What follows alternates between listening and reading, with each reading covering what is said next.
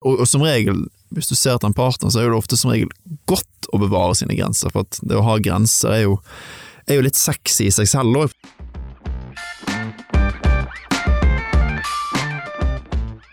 Den er veldig stygg, den der, altså. Den- Og fy søren, den er stygg, altså. Ja. Skaper masse forhåpninger og i 'building a future together', og så Ja, ja. plutselig er det bare 'han ville bare ha kroppen min'. Når menn blir single, så er liksom risikoen da, for at de ikke skal finne en ny partner, den er større da, for menn enn hva den er for damer. Og det kan jo gjøre da at det psykologiske trykket rundt å være singel, og det å miste en partner, blir større for menn.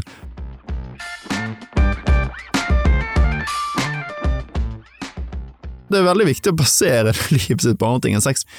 Det er jo lett å, å tro det gjennom uh, serier og medier at folk har et uh, sykt fett, eh, heftig sexliv, men de, de fleste har jo ikke, ikke det. For at folk har jo ikke så mye sex. Du hører Mannspodden, jakten på mannsidentitet. Bli med Andreas Skjelde og Einar Helgaas på din vei mot autentisk maskulinitet.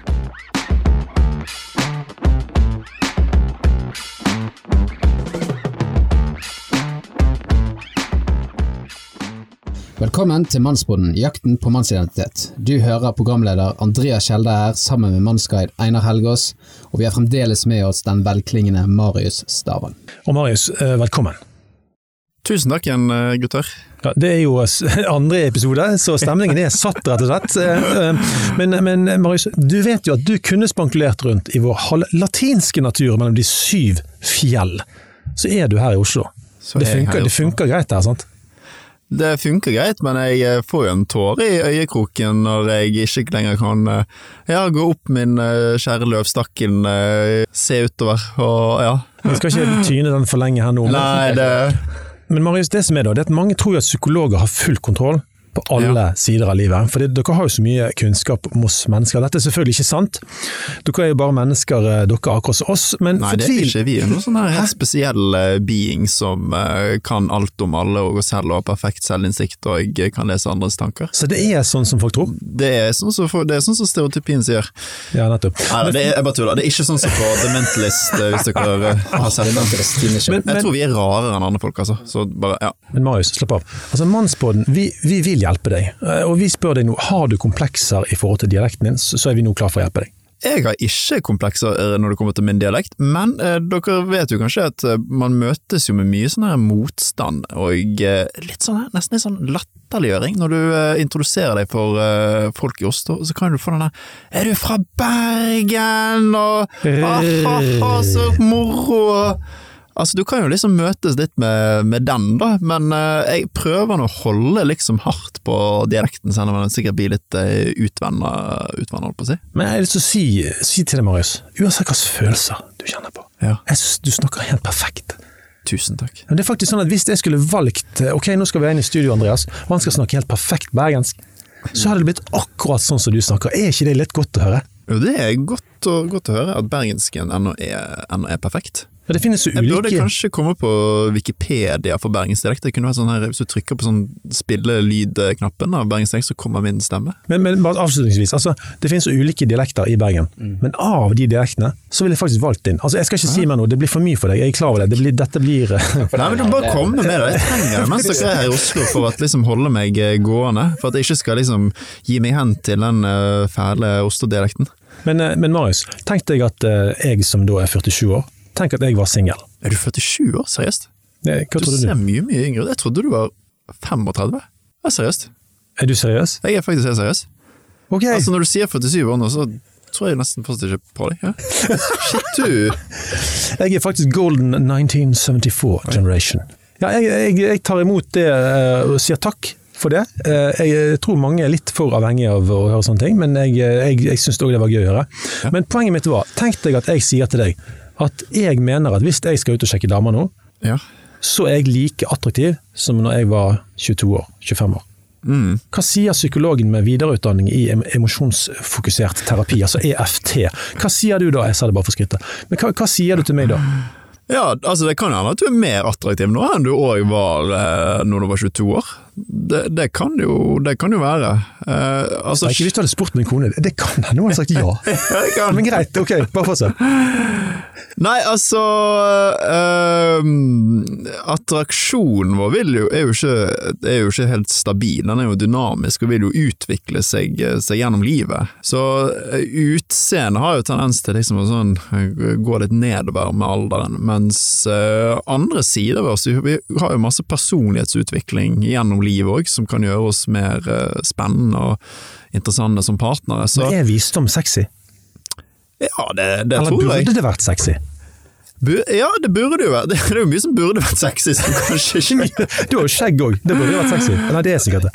Ja, jeg, jeg har jo selvfølgelig lest i en studie at jeg bør, bør ha skjegg. Ja, ok, greit. greit. Neida. Eh, um, ja, er visdom sexy? Ja, det tror jeg det, det kan være. Altså sånn eh, trygghet, selvsikkerhet og så videre. Altså selv når det kommer til menn, det, det er jo visst å være sexy, og med visdom så kommer det ofte mye, kommer det mye trygghet. Hvordan har du sett den på hvordan du Jeg, Jeg har lyst til å slenge inn en ting. Jeg. Ja. For jeg har observert en ting. La oss si at uh, sant, jeg har fire barn og har vært mye rundt i alt fra badehaller til uh, fotballbaner og greier sånn i oppveksten.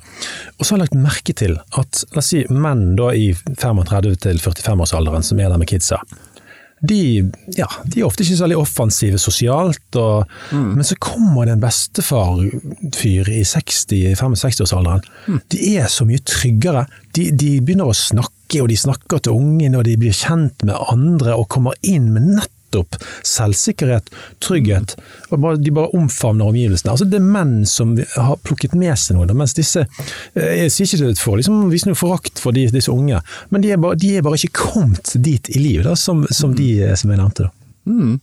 Ja, jeg tror, jeg tror den typen eh, den type sånn trygghet som det der, sånn som du snakker om der, at du liksom kan bevege deg og navigere deg selv sånn, med, med en sånn trygghet i omgivelsene dine, der du kan liksom snakke med de du vil, inngå i komfortable samtaler med de, de rundt deg. Det, det, det tror jeg det er noe sånn Jeg, jeg synes jo det er noe veldig sånn veldig flott når folk kan gjøre det. Så, ja, jeg synes jo at det er kanskje noe eldre mennesker som vi yngre kanskje ikke har liksom klart å ta like mye til oss. Type trygghet. Jeg har sagt før på Mannspodden at uh, et av mine mål i livet er å bli en vismann. Ja, sant. Så, det er du er på god vei, ja. Jeg prøver å jobbe. Kjør, Andreas. Yes, nei, men eh, jeg tror vi skal litt tilbake igjen til eh, denne her med markedsverdien. For du snakker om et glidelåsmønster. Ja. Mm. Kan du fortelle litt mer om dette glidelåsmønsteret?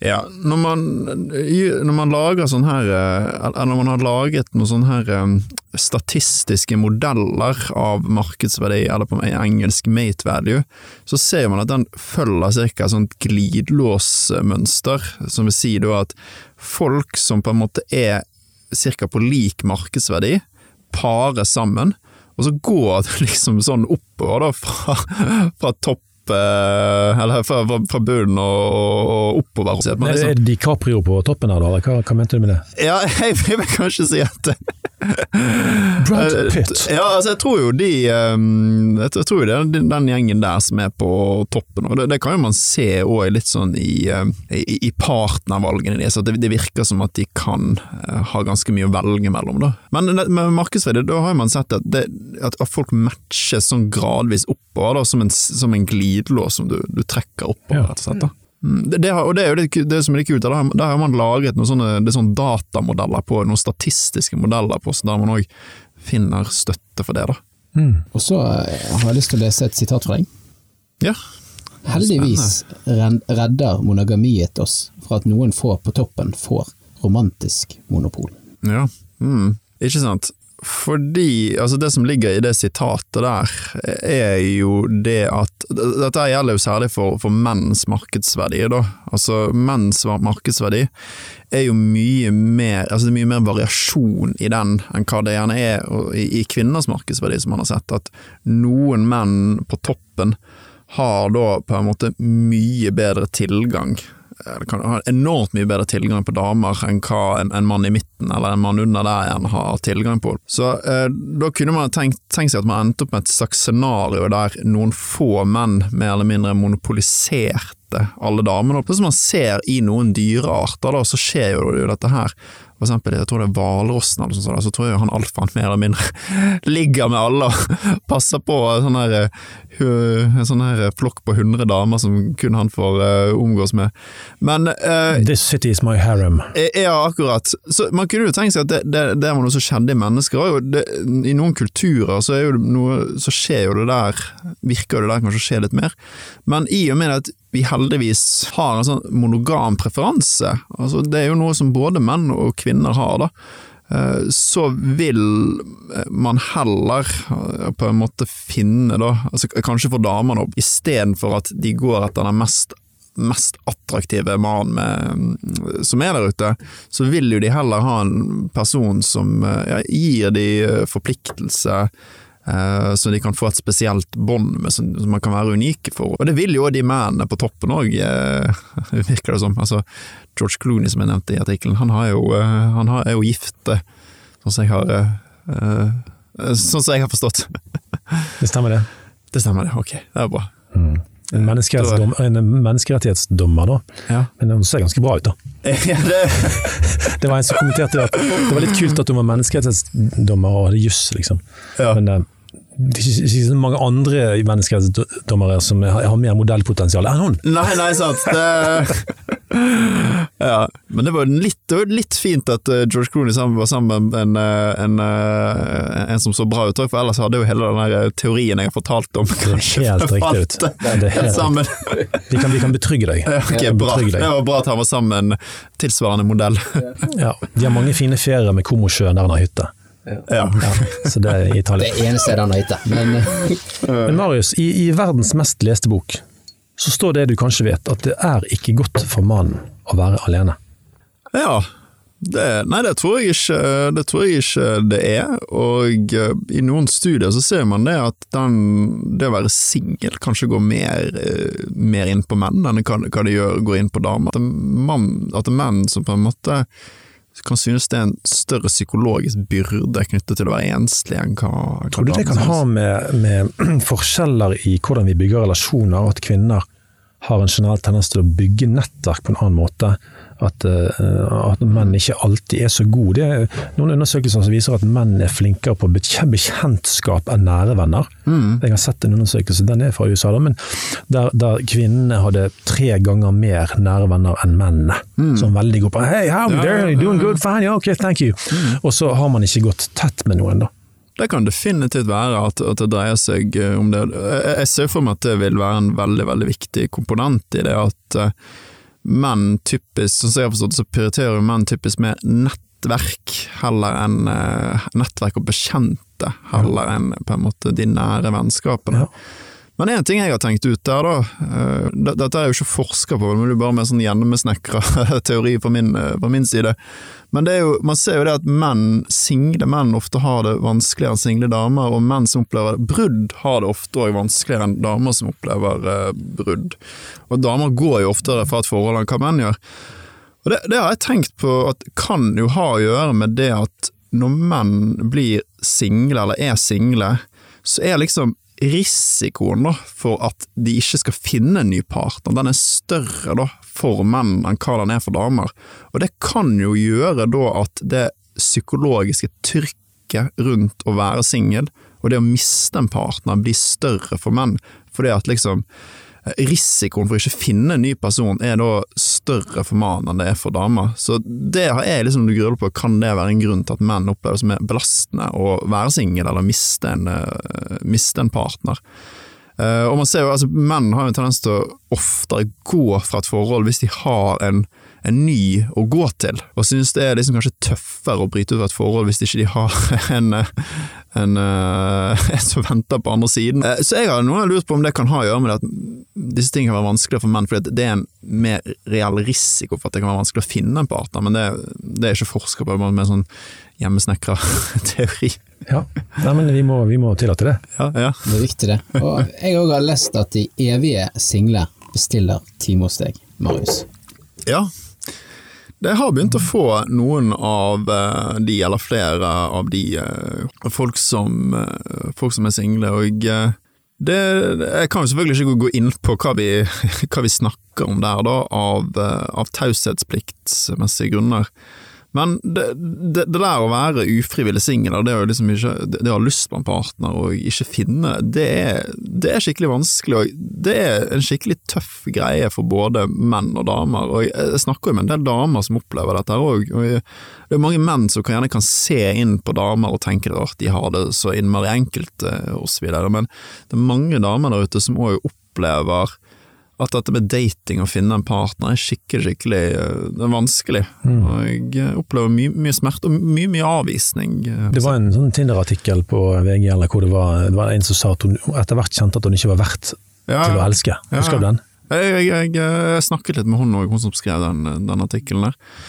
Ja, og det der er jo noe mange damer eh, opplever. Altså Nei, altså, ma mange damer, uh, i, kanskje sannsynligvis i høyere grad enn menn, opplever jo det som på engelsk kaller for deception, da. Uh, og det er, er oversatt til uh, romantisk bedrageri, som gjerne er jo da at uh, menn gir seg ut for at de er interessert i et parforhold, men så er de interessert i sex, men de leder hun an da, med å på en måte, med på en måte indikere at de er interessert i å bli, bli sammen med henne.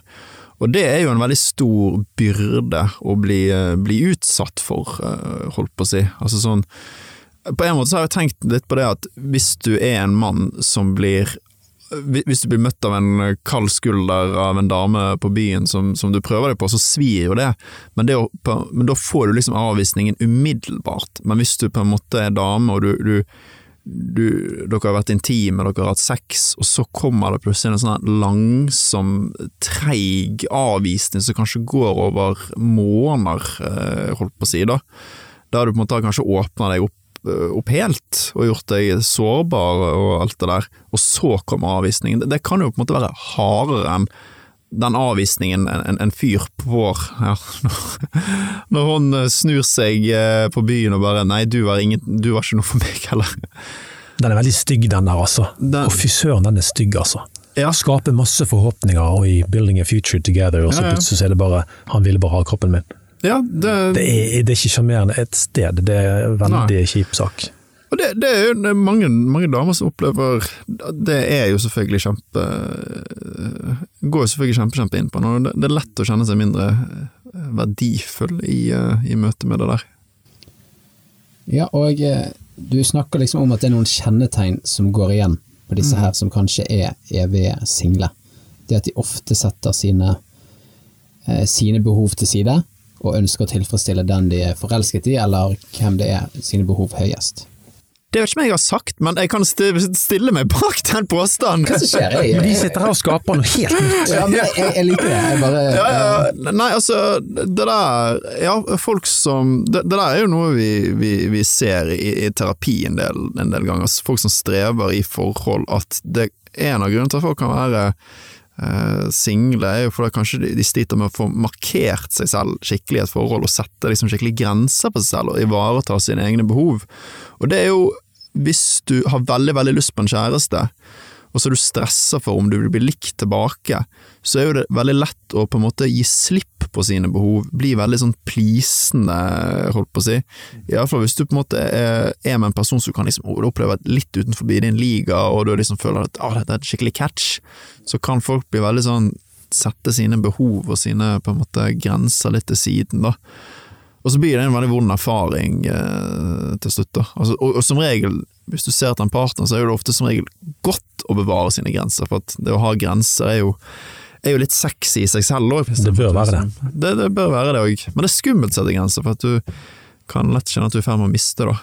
Du, vi går mot avslutningen etter hvert, her, men et siste spørsmål. For du, du var med i dette programmet Gutter mot verden. Ja. Og Der snakket du noe om, eh, om eh, Det var vel det var incels som var tematikken, sant? Ja. Mm. Eh, og, og dette med at sex blir på en måte meningen med livet. Ja. Eh, Er det din analyse av det du ser? Det er sikkert ingen av de som har sagt det til deg. Kan du forklare hva du legger i det? Uh, nei, det var, ikke, det, var, det var ikke et sånt budskap som kom ned til meg fra, fra himmelen eller uh, noe sånt. Det, altså, jeg, det jeg la i det, var jo det at eh, eh, hvis vi tenker eh, evolusjonært, så er jo kanskje det nærmeste vi kommer meningen med livet, reproduksjon. Å få en, eh, en familie, eller å ja, på en måte bære slekten videre. Så sånn sett så kan jo det være det nærmeste at ligging eller sex er det nærmeste man kommer meningen med livet. Men eh, samtidig så eh, det, det er jo litt sånn på en måte Utenom det, og det i og med at vi er en så relasjonell art, holdt på å si, det å, å, på en måte ha sex og det, det å være så tett, tett på noen, det, det, er jo noe veldig spesielt med livet, og kanskje noe av det som er, hva skal jeg si noe av, noe av, det mest essensielle man kan oppleve i livet, da, å være skikkelig nær andre. Det er jo ikke, det er ikke gitt at man, man, kun trenger sex for, for å oppleve det, altså, men eh, det er nå en vei til det å være nær andre, da, holdt på å si. Mm. Eller en annen. Jordan Peterson snakker jo mer om ansvar som meningen med livet. Ja. Mm. Og, og, ansvar kan du utøve uten å ha uh, sex opplagt. ikke sant? Altså, mm. noe med at uh, Selv om det er så mange som ikke etablerer seg, mm. mange som, ikke, som, er single og som gjerne ikke opplever sex, mm. så et eller annet med å basere sitt menneskeverd på noe annet, samtidig som, mm. som, som sex uh, i parforholdet for mange, det vil for, for, mange være der som en ekstremt viktig ting. da. Mm. Og Det er jo en grunndrift. Det er jo ikke uten mm. grunn at, man, at, du tar fram sånne ord. Men jeg tror i hvert fall at det vil være viktig å ha flere bein å stå på. Mm. At sitt menneskeverd ikke blir for tett knyttet opp til det, selv om det ikke er fraskilt. Ja, det, definitivt, og de fleste mennesker har jo ikke så mye sex heller. Det ser man det, altså, det, det, for eksempel når man Eh, jeg er jo i kontakt, jeg er jo tilknyttet NTNU med, med litt sånn forskning på single, da. Og noe av det som er trøblete når, man, når man forsker på, på, seksuelle relasjoner, er jo det at unge folk særlig har jo så lite sex at det, det er veldig vanskelig å forske på det. Fordi at du får ikke, ja, du får ikke nok statistisk styrke til å, å til å klare liksom å, å finne, finne, ut av noe. Da. Vi fant 15 i Orkdal. Ja, det var alt. Det, det, var, det var alt, liksom. Det. Og eh, så, så, Ja, altså, det er veldig viktig å basere livet sitt på annet enn sex, for at folk har jo ikke så mye sex. Altså, sånn, det, det, det, er jo lett å, å tro det gjennom uh, serier og medier, at folk har et uh, sykt fett, heftig sexliv, men de, de, fleste har jo ikke, ikke det, holdt på å si. Så, ja. du, Marius, vi må gi oss der. Ja. Men vi, vi, må nesten invitere deg tilbake igjen. det ser sånn ut. Det syns jeg dere må gjøre. Ja. Kom igjen, da! Ja. Tilbake til den her eh, Bergens uh, til dette bergenstårnet vi har her i Oslo. ja, ikke si det til for mange, men eh, Likte du det du hørte, del mannsbåten med fem andre menn du mener vil ha glede av den? Bli med i Facebook-gruppen vår, og følg oss på Instagram. Og Vi sier som vi pleier, gå inn på Apple Podcaster, til og med om du ikke er der du når de sører oss, og gi oss noen reviews, gi oss en god kommentar, så rekker vi ut til enda flere. Og nå skal vi altså takke for oss på aserbajdsjansk. Sagon! Aserbajdsjansk, faktisk. Mens du venter på neste episode, del gjerne Mannsbåten med fem andre menn, så de kan koble seg på jakten på mannsidentitet i en kjønnsnøytral tid. Hvis du ønsker å lære enda mer om denne tematikken, følg Mannsbåten på sosiale medier. Vi snakkes.